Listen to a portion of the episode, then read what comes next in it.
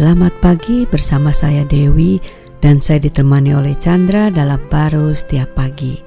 Semua orang pasti ingin memiliki satu hubungan yang harmonis ya, karena itu akan memberikan sebuah uh, percakapan, diskusi yang indah bisa kita nikmati. Karena kalau enggak itu bisa terjadi satu perdebatan dan akhirnya ujung-ujungnya bisa perpecahan.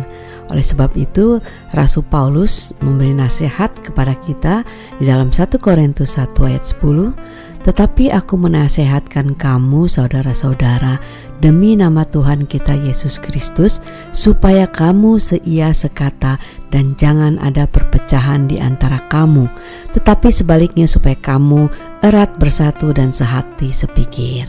Nah, ini biasanya ya sekata itu perlu satu pemikiran yang pemahaman yang sama ya. Kalau enggak berarti kan kita kamu salah, saya yang benar gitu.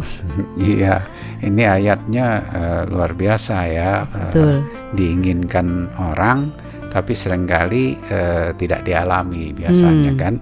Uh, orang tentunya ingin memiliki satu hubungan teman uh, atau suami istri atau di keluarga dengan anak-anak atau dengan teman-teman enak ya untuk bisa ngobrol, uh, ngobrol diskusi. begitu. Kalau enak kan dia uh, apa aja bisa dia bicarakan dan tidak ada bosan-bosannya.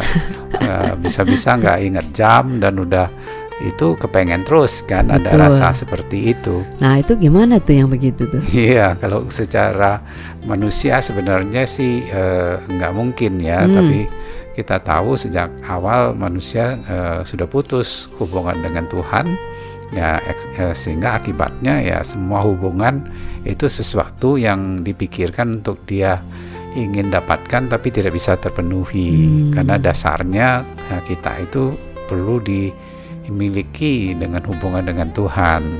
Maka itu melalui Kristus itu sebenarnya hmm. kita itu uh, sudah ditebus ya dengan yeah. kematian Dia itu bahwa hubungan kita yang dengan terbatas Tuhan. itu uh, sudah uh, yang kita inginkan yang nggak bisa yang nggak ada itu uh, sudah selesai. Uh, hmm sehingga dipulihkan kita ya. ya dipulihkan sehingga kita memiliki sebenarnya hubungan dengan dia di dalam kasih dia hmm. nah, dengan cara demikian kita itu mandangnya itu sudah berbeda hmm. ya kan karena kita sudah punya dulu kan hmm, sudah mempunyai hubungan yang erat dan yang indah ya sebagai satu ciptaan yang baru atau anaknya dia dengan ada rohnya dia hmm. jadi memandang uh, orang pun sudah berbeda. Hmm. Kita dulu mandangnya ya salah benar, baik buruknya, hmm. sehingga ya itu terbatas sehingga bisa timbul konflik. Kalau hmm. yang seperti ini kan kita melihat besarnya Tuhan dalam hidup dia yang telah disatukan bersama dengan kita, kita melihatnya satu bagian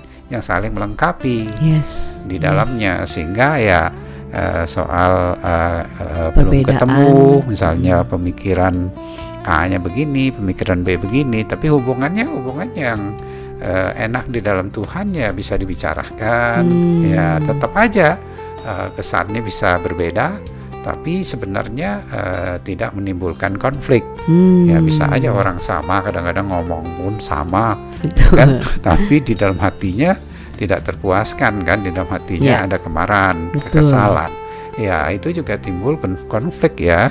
Hmm. Nah, tapi kalau di dalam melihat Tuhan, ya kita bisa menikmati Tuhannya di dalam kita. Ya kita juga bisa melihat Tuhan di dalam setiap orang itu wow. sebagai bagian yang Tuhan satukan di dalam uh, tubuhnya Dia ya. Hmm. Nah itu yang mengakibatkan kita semakin bisa menikmati ya uh, hubungan dengan orang-orang yang dekat dengan kita itu. Mm -mm, karena kita melihatnya kepada hidup baru kita di dalam Kristus ya. Iya, itu. Amin. Amin.